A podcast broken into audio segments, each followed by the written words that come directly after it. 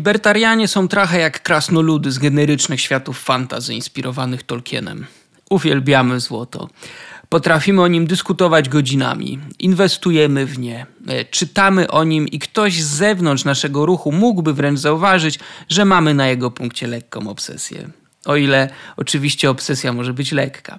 E, sam sprawdzam notowania kruszców częściej niż rzadziej.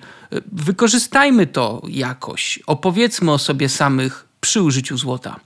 Dlaczego opowiedzmy? E, bo kluczem do budowy skutecznego środowiska ideowego, takiego, które nie tylko okupuje piwnice i inne nisze tego świata, jest snucie opowieści na swój temat.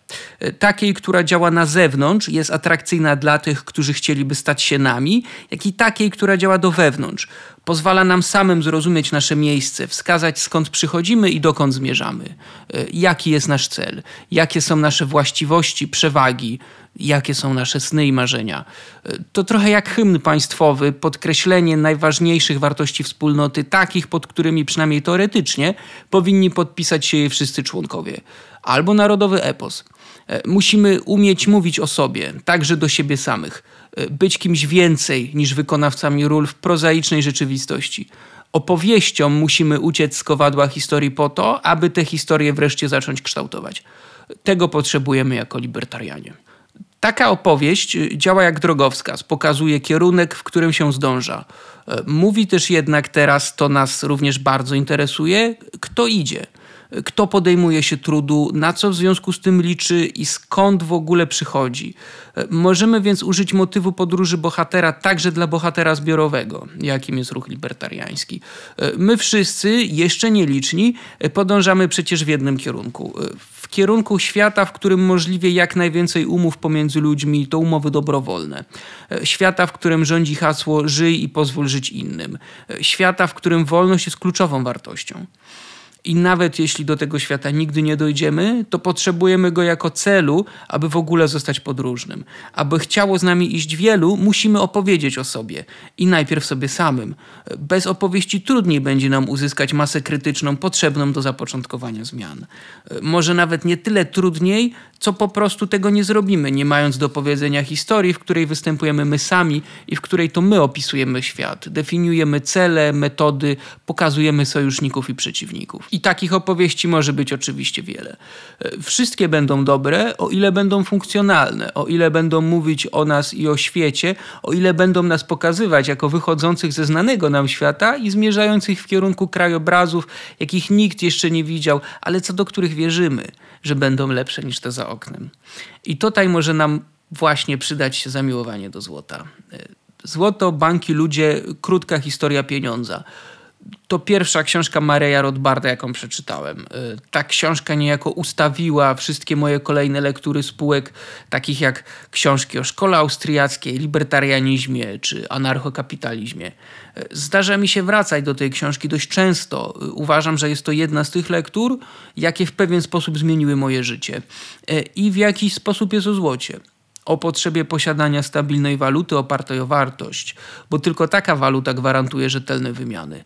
Dziś, w dobie rosnącej w Polsce inflacji i obietnic jej zwiększenia, bo i tak można odczytać hojny za nasze pieniądze polski ład, jest to zresztą książka bardzo aktualna.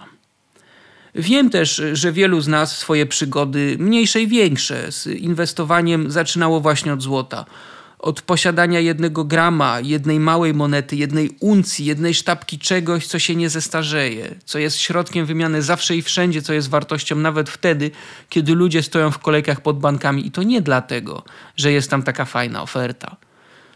To wszystko, te skojarzenia ze złotem, nawet zarzuty nielibertarian, że w libertarianizmie wszystko kręci się wokół pieniędzy, co przecież jest nieprawdą, możemy jakoś wykorzystać. Użyć w celu zrobienia swojej opowieści o nas samych, słuchanej i opowiadanej przez nas samych. Bo kto kojarzy się ze złotem i będzie się z nim kojarzył jeszcze długo? Alchemik, to postać mająca wartość dla naszej opowieści przede wszystkim jako model działający do wewnątrz, jako pewna rola z określonymi cechami, jaką możemy próbować odegrać. E, musimy ją jednak najpierw zrozumieć.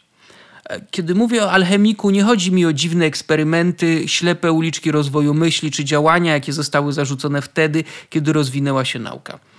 To wszystko jest oczywiście prawdą. Tak, alchemia ma i takie właściwości i buduje i takie skojarzenia. Szczególnie u ludzi będących pod silnym wpływem popnauki, ale mogą nam się przydać też zupełnie inne.